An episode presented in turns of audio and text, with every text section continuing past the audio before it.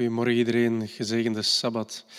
Ik denk dat iedereen het nieuws de afgelopen week wel gevolgd heeft. Uh, we zijn nog niet uit deze coronacrisis. Daarom zouden we ook willen de oproep doen om te denken in onze gebeden aan de eenzamen onder ons. Niet iedereen leeft in een groot gezin. Er zijn heel veel mensen die nog thuis alleen wonen.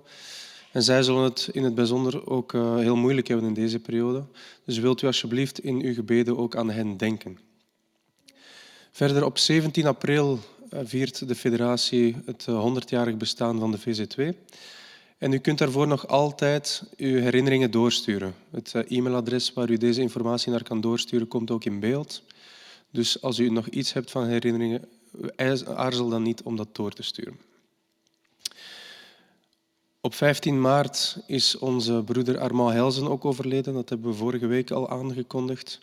Het triestige nieuws ehm, dat hebben we inderdaad vorige week aangekondigd. Vorige week dinsdag is hij dan ook begraven op 92-jarige leeftijd. Hij was 46 jaar lid van onze kerk en heeft heel veel bijgedragen in onze kerk. Hij heeft heel wat jaren ingestaan voor, het, uh, voor de zorg van het gebouw en heeft ook heel veel gedaan voor de techniek, de, vooraf, uh, de voorganger van onze streaming. Hij was namelijk de eerste die uh, ons heeft kennis laten maken met audio- en videobestanden, waardoor mensen in vroegere tijden ook van thuis uit de dienst konden volgen indien ze afwezig waren in de kerk. Ook op het moment dat uh, de CD en de DVD zijn uitgevonden, is hij nog blijven meegaan met zijn tijd. Jammer genoeg, op het moment dat de PC is uitgevonden, heeft hij het allemaal een beetje moeten loslaten. En vooral drie jaar geleden, toen de streaming van start is gegaan, was voor hem het allemaal wat te moeilijk geworden. Maar we blijven hem dankbaar en we zullen hem missen. Hij heeft veel gedaan voor ons, dus Armand, het gaat je goed. Uit gewoonte zullen we ook een minuut stilte houden ter nagedachtenis van Armand Helzen.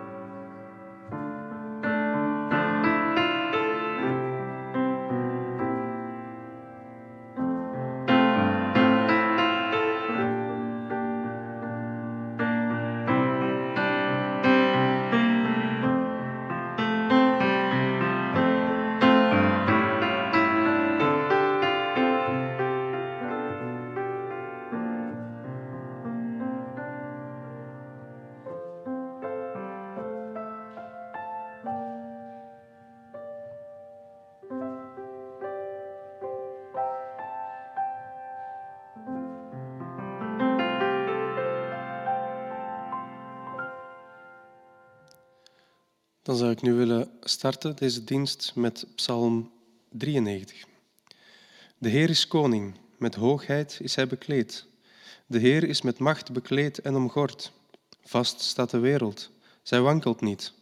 En vast staat van oudsher uw troon. U bent van alle eeuwigheden. De stromen verheffen, Heer. De stromen verheffen hun stem. Luid verheffen de stromen hun stem. Maar boven het geraas van de wijde wateren, van de machtige baren der zee, is hoog in de hemel de machtige Heer. Uw uitspraken zijn betrouwbaar. Heiligheid is van uw huis het sieraad. Heer, tot in lengte van dagen. Laten we de Heer zoeken in gebed. Heer, lieve Vader, ik wil u danken voor afgelopen week, Heer. Ik wil u danken voor eh, de zegeningen die u ons hebt gegeven, Heer. Dat u er altijd bent voor ons, Heer. We zijn dankbaar dat u altijd op u kunnen rekenen. Dat u zoveel liefde aan ons geeft, Heer. Dank u voor uw geduld dat u met ons hebt, Heer. Wilt u onze tekortkomingen naar anderen toe en naar u toe, Heer, ook vergeven. En leer ons ook om anderen te vergeven, Heer, zoals dat u ons vergeeft. We zijn dankbaar voor alles wat u voor ons doet, Heer. Wilt u Johan voorgaan en zegenen dat hij woorden mag brengen die onze hart mogen raken, Heer. We danken u voor alles. In Jezus' naam. Amen.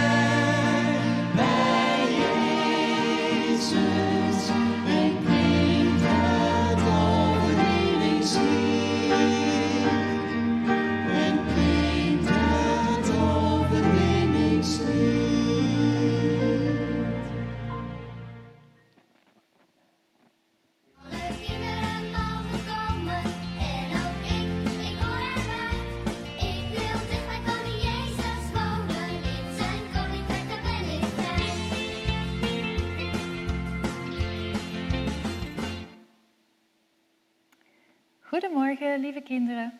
Hier zijn we weer met een verhaaltje. En deze keer gaat het over Jeremia. Jeremia zag er niet blij uit, want hij maakte zich erge zorgen.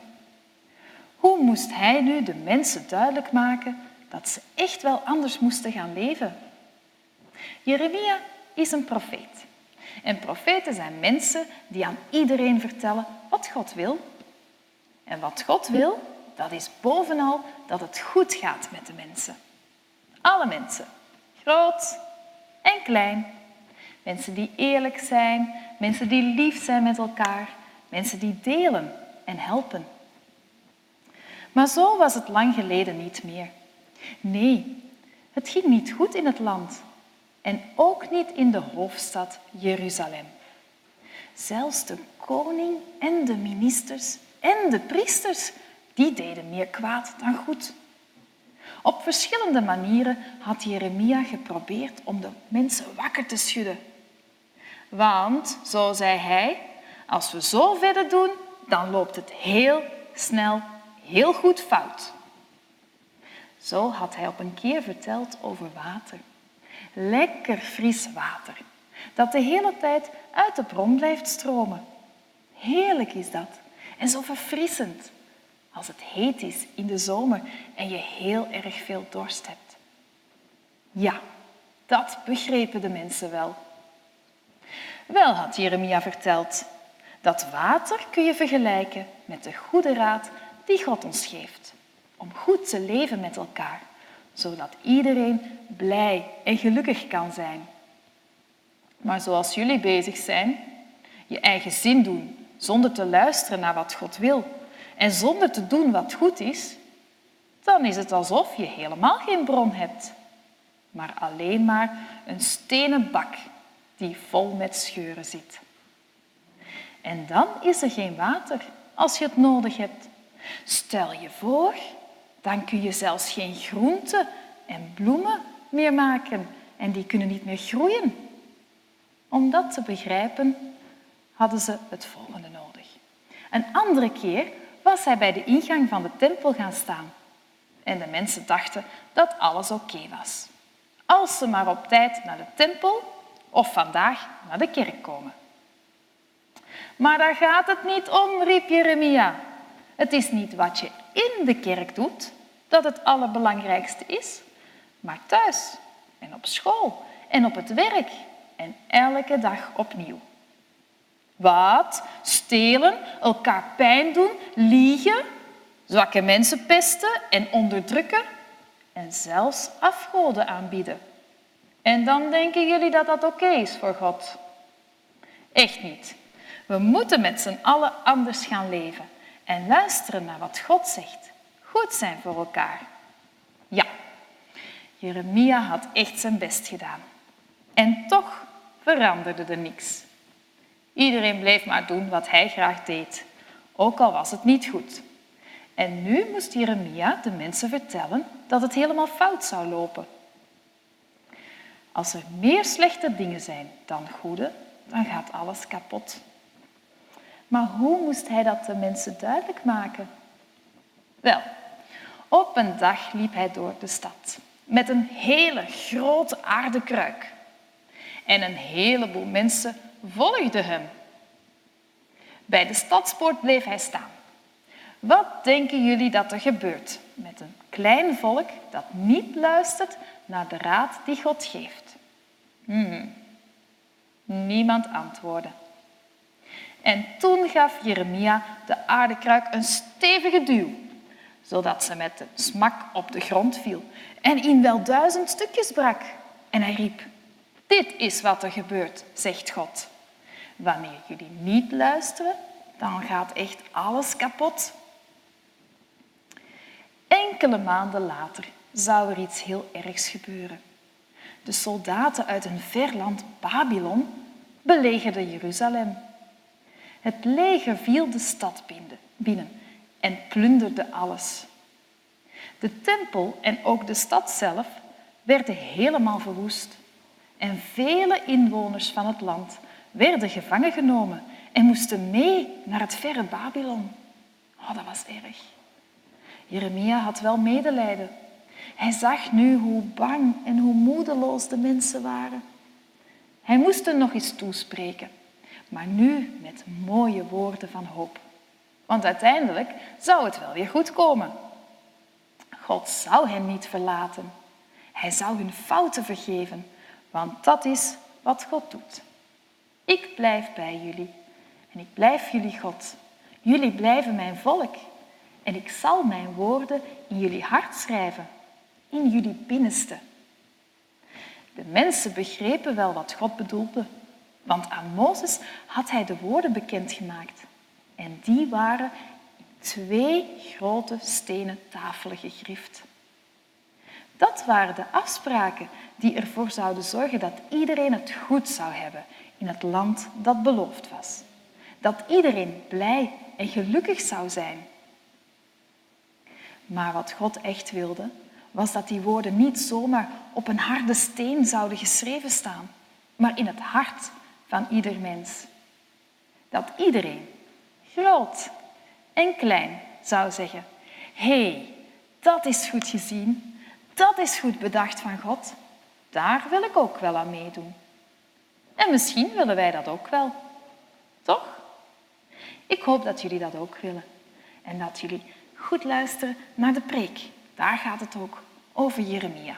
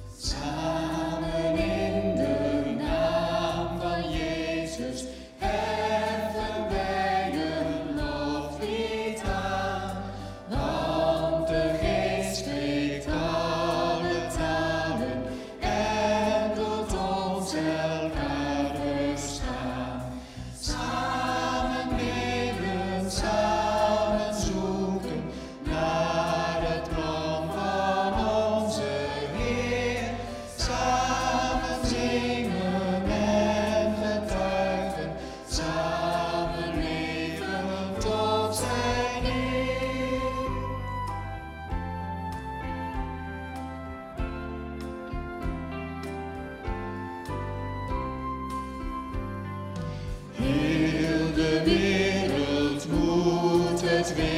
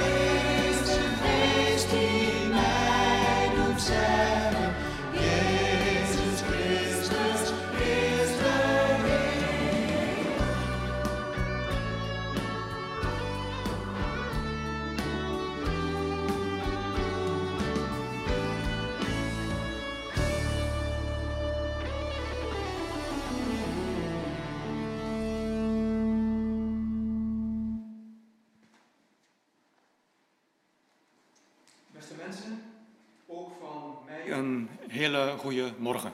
Er is weer al een week voorbij. Voor sommigen misschien heel gewoon. Mag ik doordoen?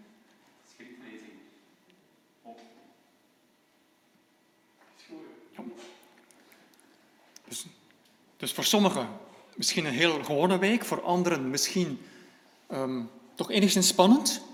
In spanning afwachten wat de nieuwe coronamaatregelen zouden zijn.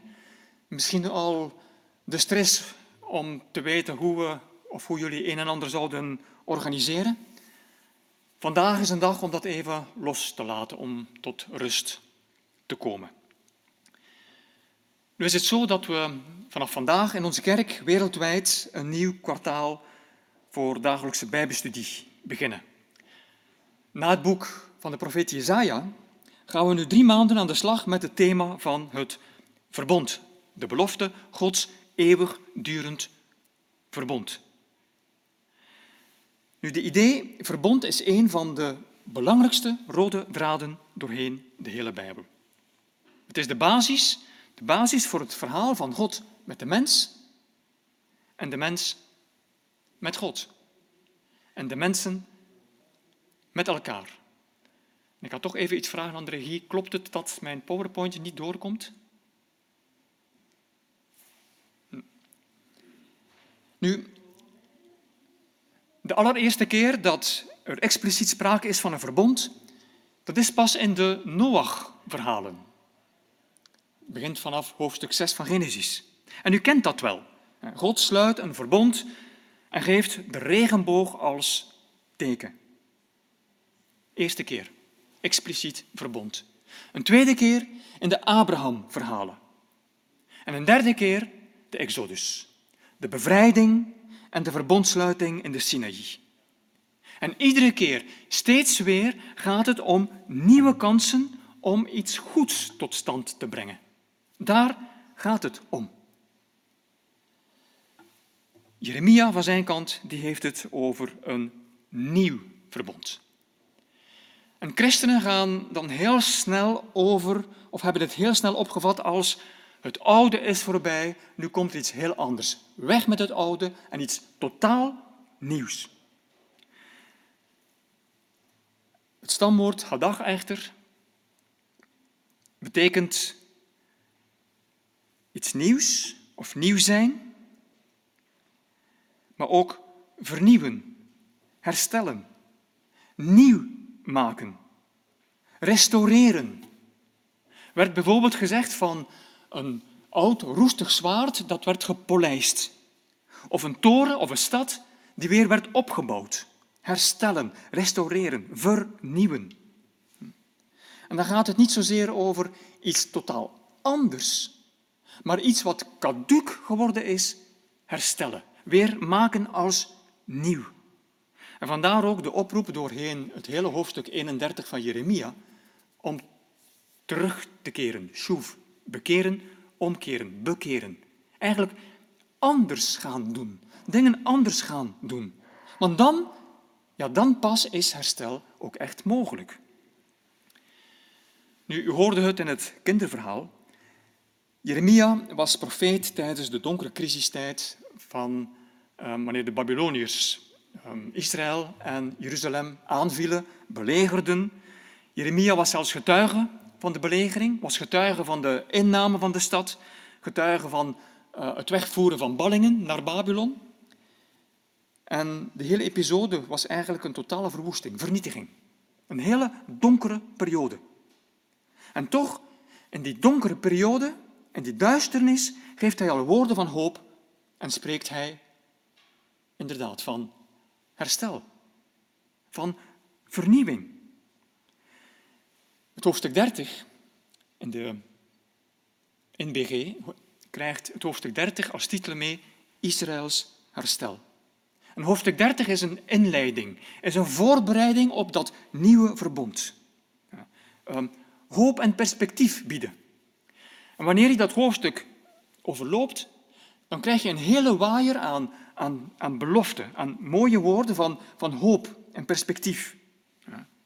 Vers 11. Ik sta je terzijde, zegt God. In de oude vertaling, ik ben met u.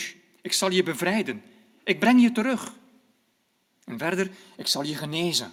Ik zal je helen. Ik keer je lot ten goede.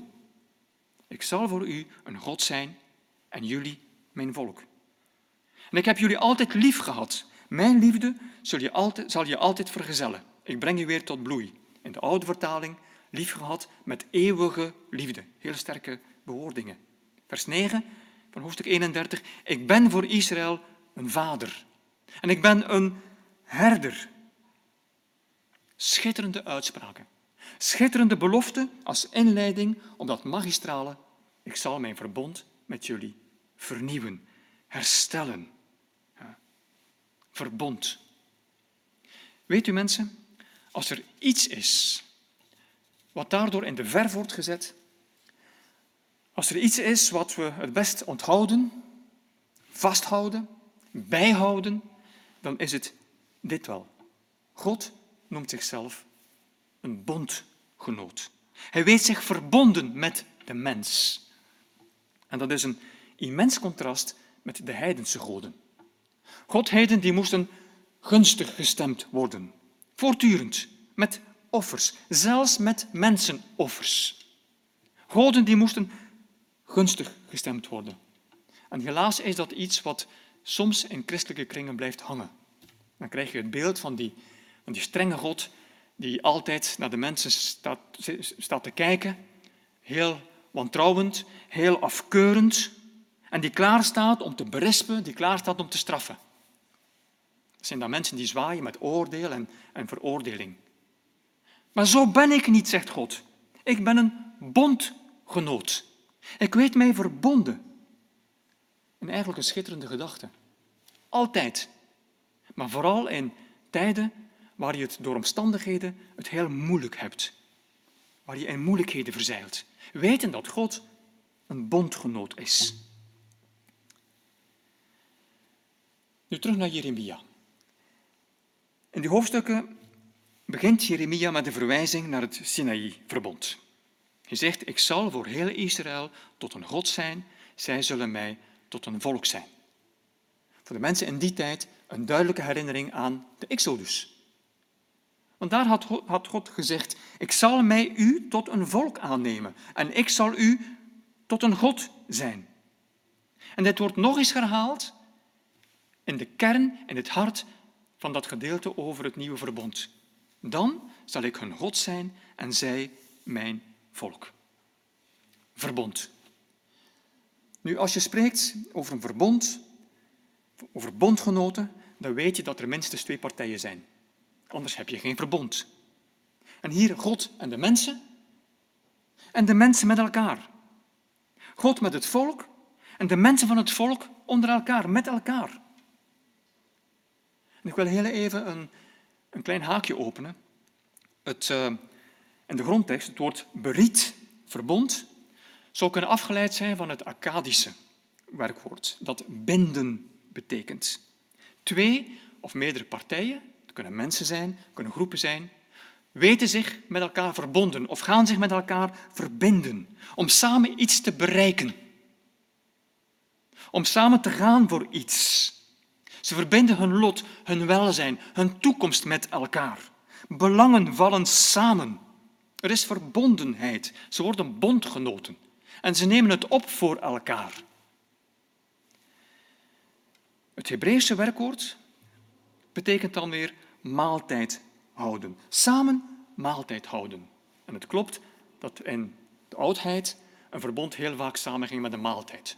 Nu nog soms, een zakenlunch bijvoorbeeld om overeenkomsten te sluiten, om afspraken te maken.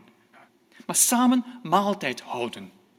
Een gezegend moment van vriendschap, van dialoog, van delen met elkaar, van afspraken maken.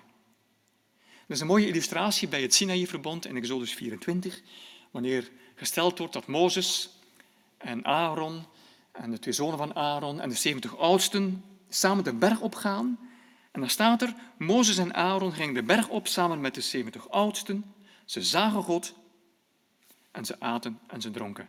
En dat is het gedeelte van de verbondssluiting. En ze aten en ze dronken. God en de mens. Maar hoe zit dat nu precies? God en de mens. Nu, één ding is zeker. Keer op keer is het God die het initiatief neemt. Iedere keer weer. En dan kun je je afvragen, waar zie je dat in de Bijbel voor de eerste keer? Dat God het initiatief neemt. Dat is geen quizvraag. Het antwoord is ook doodsimpel.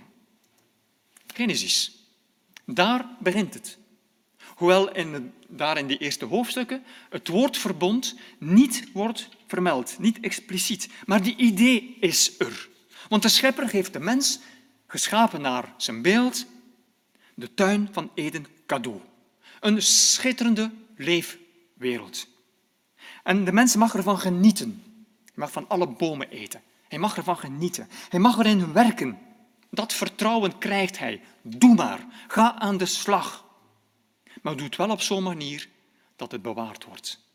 Dat alles bewaard wordt. In een verbond moet het van twee kanten komen. Geven en nemen of krijgen. Krijgen en geven.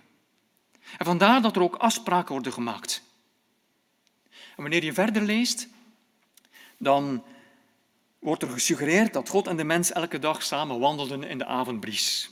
Een beeld van verbondenheid, samen wandelen. Iets wat heel veel mensen in deze coronatijden weer hebben ontdekt. De zegen was samen te kunnen wandelen. Dezelfde belangen, dezelfde belangen uitgedrukt in datzelfde kleine hoortje. En ik wil mij verontschuldigen bij al die mensen die dat zijn beu gehoord. Tof. Het mooie, het goede, wat aangenaam is, wat nuttig is, wat, wat goed is. En dan, u kent het verhaal, loopt het fout. De mens verbreekt die band, verbreekt die verbondenheid. En heel vaak wordt in dit verhaal de nadruk gelegd op de schuld. En die is er natuurlijk wel. Maar het verhaal zelf legt daar niet de nadruk op. En dat zie je heel duidelijk in de structuur.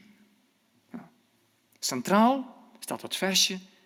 En de Heer God riep en zei, Adam, waar ben je? God verschijnt op het rendezvous. Hij komt toch weer naderbij en vraagt aan de mens om ook tevoorschijn te komen. Een uitnodiging. Hé, hey, waar ben je? Kom tevoorschijn. Ik ben er. Maar de mens heeft het moeilijk om te geloven dat God bondgenoot is. Of misschien moet ik zeggen dat God bondgenoot blijft. En hij verstopt zich. Terwijl God wilde duidelijk maken dat hij nog altijd het beste met de mens voor had en nog altijd het beste voor heeft. En dat hij zijn deel zou doen om alles weer te herstellen, wat het hem ook zou kosten. We gaan het fixen, we gaan het herstellen. Wanneer je verder leest in hoofdstuk 3, dan zie je dat hij ook de overwinning belooft. Dat hij aangeeft dat overwinning mogelijk is, ook al zullen er zorgen zijn en verdriet en zal het moeite kosten. En hij bedekt hun naakte kwetsbaarheid met nieuwe kleren. Hij bedekt die kwetsbaarheid. Een beetje een belofte van een nieuwe bladzijde, een nieuwe kans. Ehm, een mogelijkheid om, zodat de mens terug goed in zijn vel zit. En God weet hoeveel mensen vandaag daarnaar verlangen. Terug goed in hun vel zitten. En dat is wat God hier belooft. Gods heilzame, helende initiatief.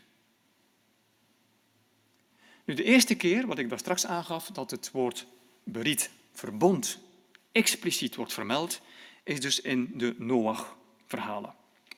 Dat fameuze verhaal over Noach en de zondvloed. De eerste keer dat beriet, verbond vermeld wordt. Tot acht keer toe.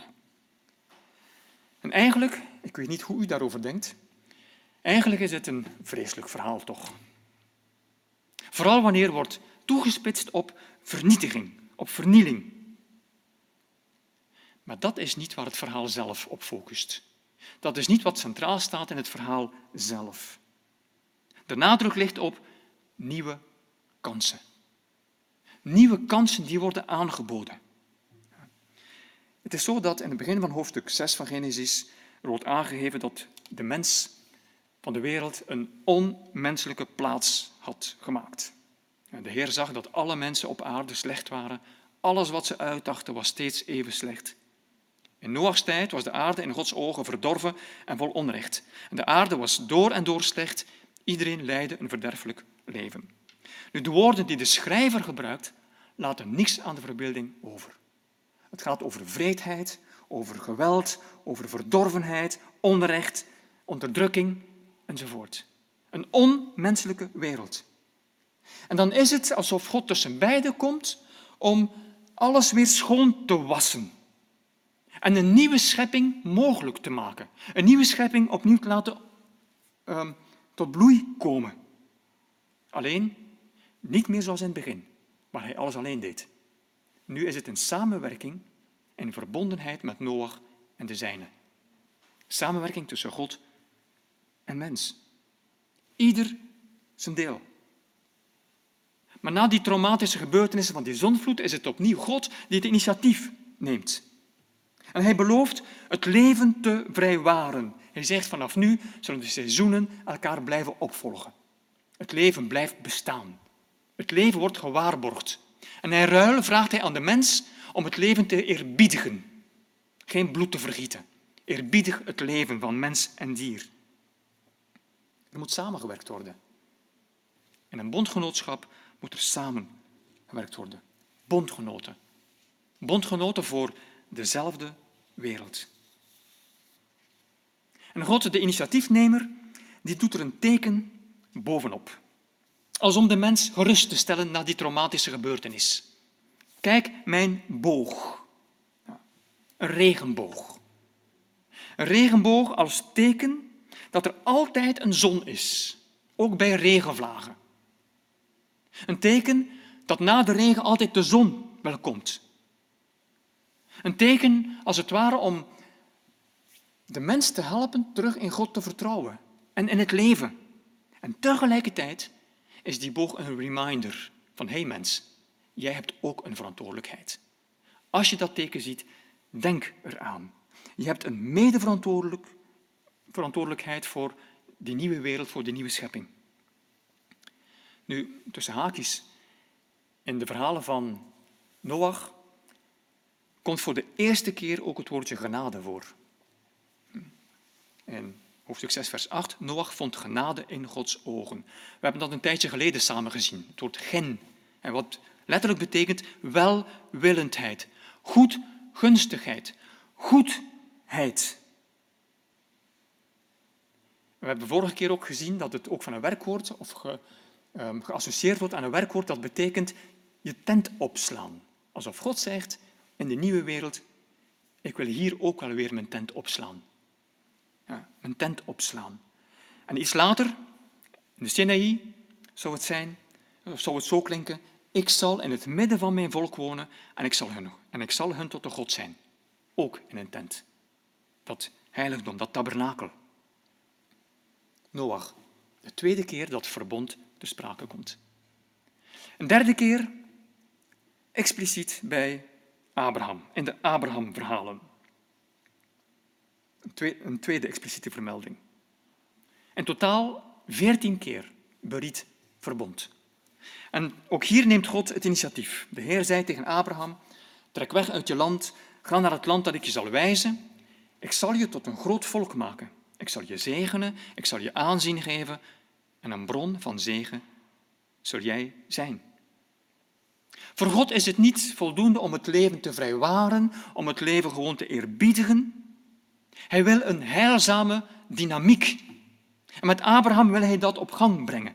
Een heilzame dynamiek die met zegen ook tot zegen zal zijn. Zegen krijgen, zegen doorgeven, zegen uitdragen. Een heilzame dynamiek. En hij vraagt aan Abraham om het idolatere, het idolate uh, uur te verlaten en om rondtrekkend tot zegen te zijn. Voor iedereen die hij op zijn weg ontmoet. En dat zijn de Abraham-verhalen. Want God wil alle volken zegenen. Maar daar heeft hij mensen voor nodig. Abraham in die tijd. En vandaag. Ja, vul maar in. En God zou de weg wijzen jawel, maar Abraham zou elke stap moeten zetten. Hij zou erop uit moeten trekken. Hij zou op stap moeten gaan. Samen op stap, als bondgenoten. Zegen ontvangend, zegen doorgevend. Belofte en opdracht. En ja, Abraham zou soms in de fout gaan. Dat kennen wij ook. Hij zou in de fout gaan. En toch zou Abraham vriend van God genoemd worden. Vriend van God. En de concrete opdrachten die Abraham meekrijgt, vind je in Genesis 18. Waar God zegt, ik heb Abraham uitgekozen, hij moet zijn zonen en zijn verdere nakomelingen voorhouden de weg te volgen die ik wijs, door rechtvaardig en goed te handelen. Dan zal ik verwezenlijken wat ik Abraham heb toegezegd. De weg volgen door rechtvaardig en goed te handelen. En dat zijn kinderen leren. En dan het derde grote verbondsverhaal, de Exodus en de Sinaï. En de voorbereiding van dat verbond begint eigenlijk al in hoofdstuk 3, waar God als het ware verschijnt in een brandend braambos, verschijnt aan Mozes, waar hij zijn naam, zijn identiteit bekend maakt als JHWH, vaak vertaald als ik zal er zijn. En dat zie je ook, dat God dat een paar keer herhaalt aan Mozes in hoofdstuk 3 van Genesis. Ik ga met je mee. Ik zal er zijn. Hij maakt zich bekend als de verbondsgod die erbij wil zijn en die erbij wil blijven. Niet iemand die aan de kant wil blijven staan. En dan komt dat grote moment van de bevrijding. Een geweldige kans die wordt, eh, die wordt geboden, die wordt aangereikt. En dat is Gods deel. Daar, die bevrijding. Maar daar blijft het niet bij. Want bevrijding moet ook waar gemaakt worden in het beloofde land. In het leven van elke dag. Het is niet de bedoeling om te gaan leven zoals in Egypte. Anders leven, beter leven. En daarom, inderdaad, die, die tien klinkende woorden. Die Torah, die klinkende woorden. Dat onderricht, die raadgevingen, die leefregels.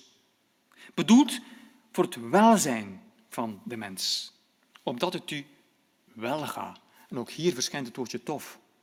Jatav, het werkwoord, dezelfde stam als stof. Opdat het u wel gaat. Een vernieuwde maatschappij van welzijn, van vrede, shalom, van recht en gerechtigheid, van gelijke kansen, van geluk voor iedereen. Maar hiervoor moest de mens op zijn beurt bondgenoot worden. Want zij zouden het moeten uitvoeren in het beloofde land. Het beloofde land. Zij moesten ten volle Gods project van leven en welzijn binnenstappen en ermee aan de slag gaan. Horen, de weg volgen. Maar u ziet steeds weer, is het God die het initiatief neemt, maar de mens moet mee. De mens moet er mee instappen. God toont zich een bondgenoot, maar de mens moet er mee instappen. En dat is vaak het probleem. En daar is het dat Jeremia zich verplicht zal zien om te spreken over een nieuw verbond. Of de vernieuwing, het herstel van het verbond. Was dat dan nodig? Zeker weten. Absoluut wel. Israël zat volop in de Babylonische crisis. Invasie, dreiging, geweld. Nog even en Jeruzalem zou ingenomen worden. Um, verwoest, tempel in kluis, alles om zeep, geen toekomst meer.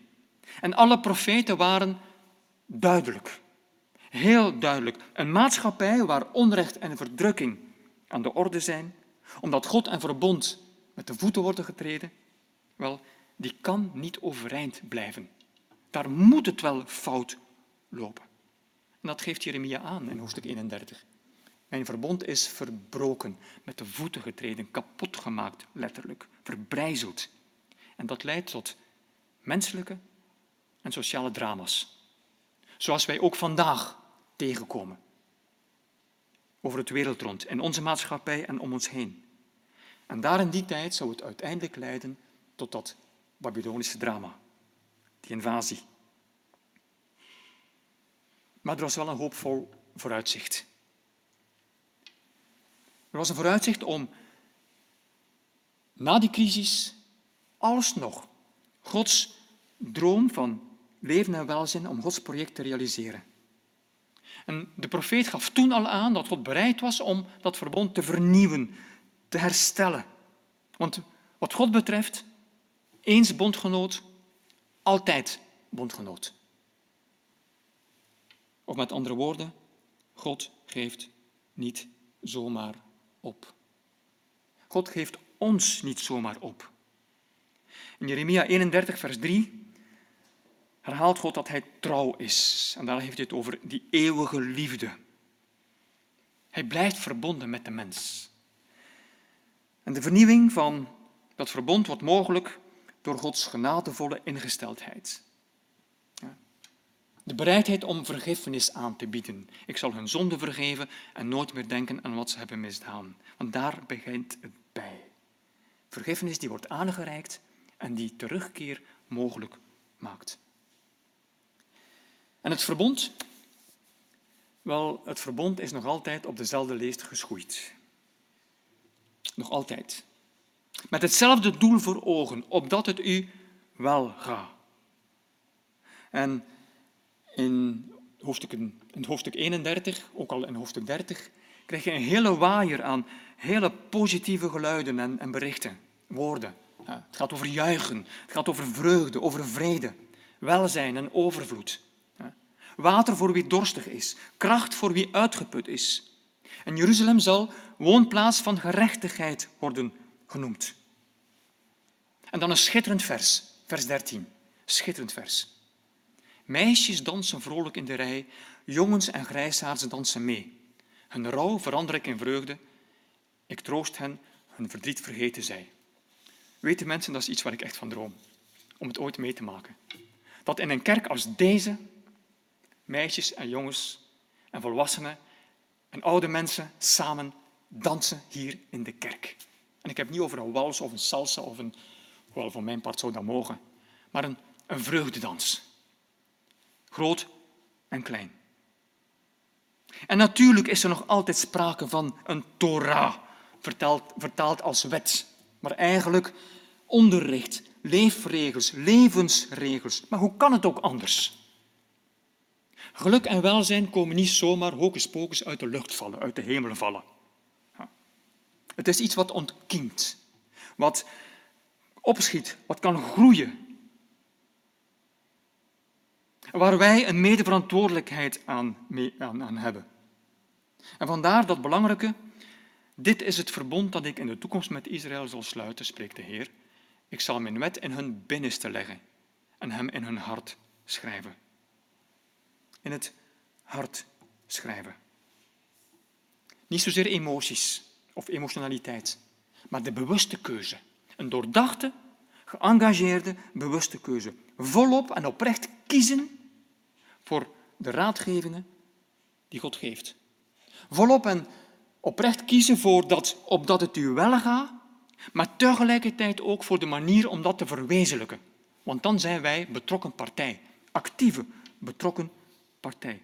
Want dat zijn de stappen die wij kunnen zetten, moeten zetten, mogen zetten.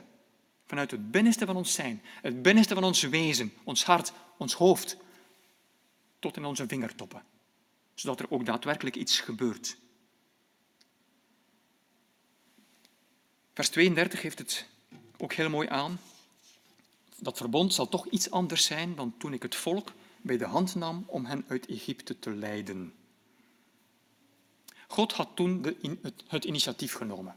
Het volk als het ware bij de hand genomen en hen uitgeleid. En het volk moest maar volgen.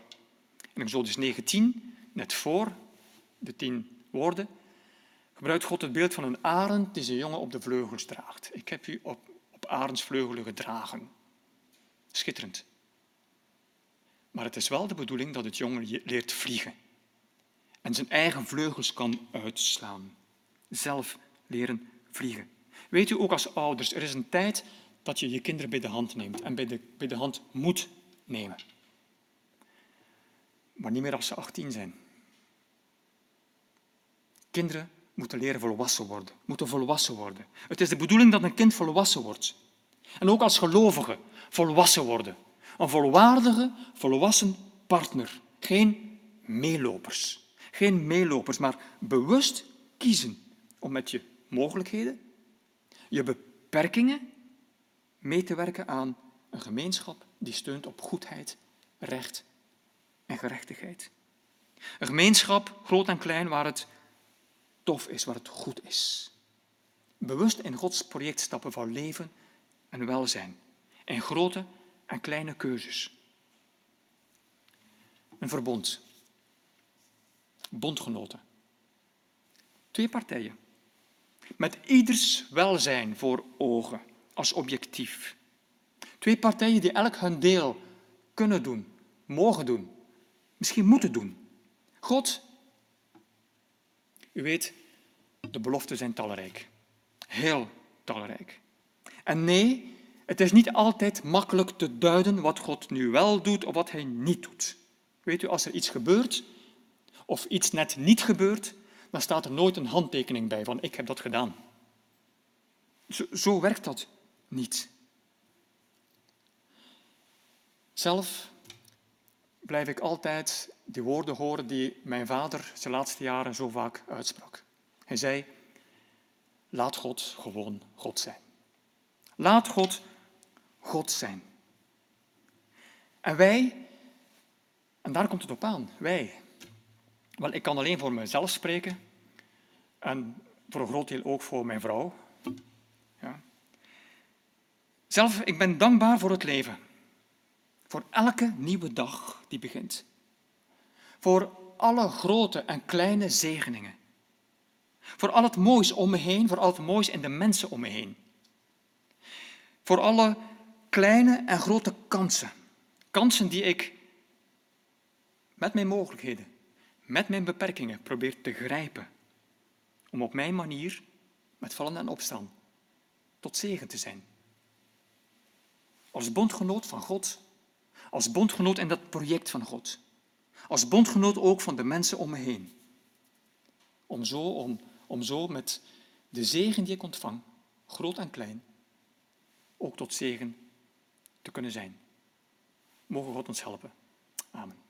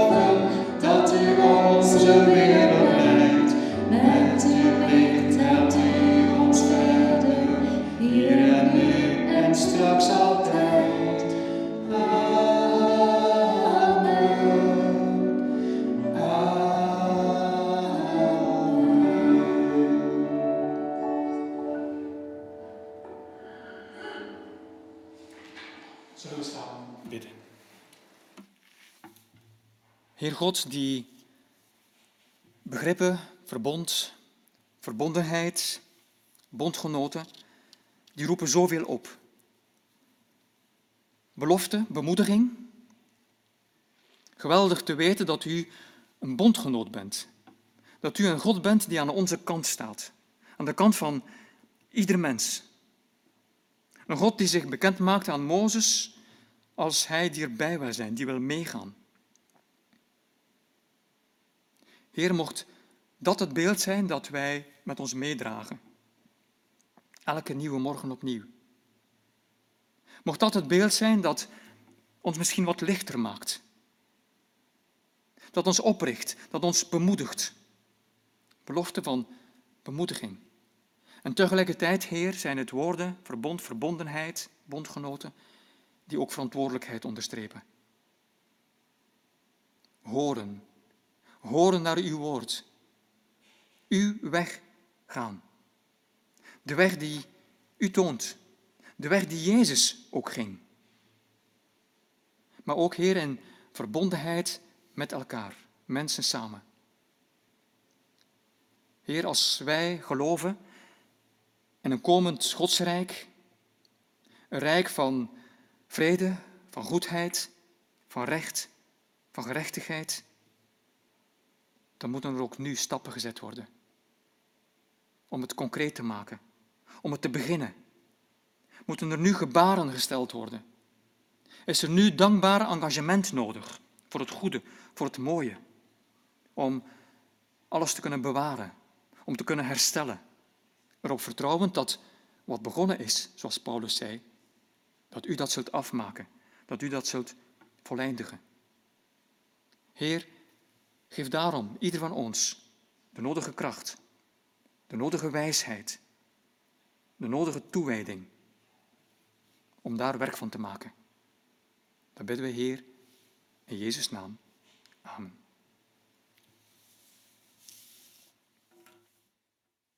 Mm-hmm.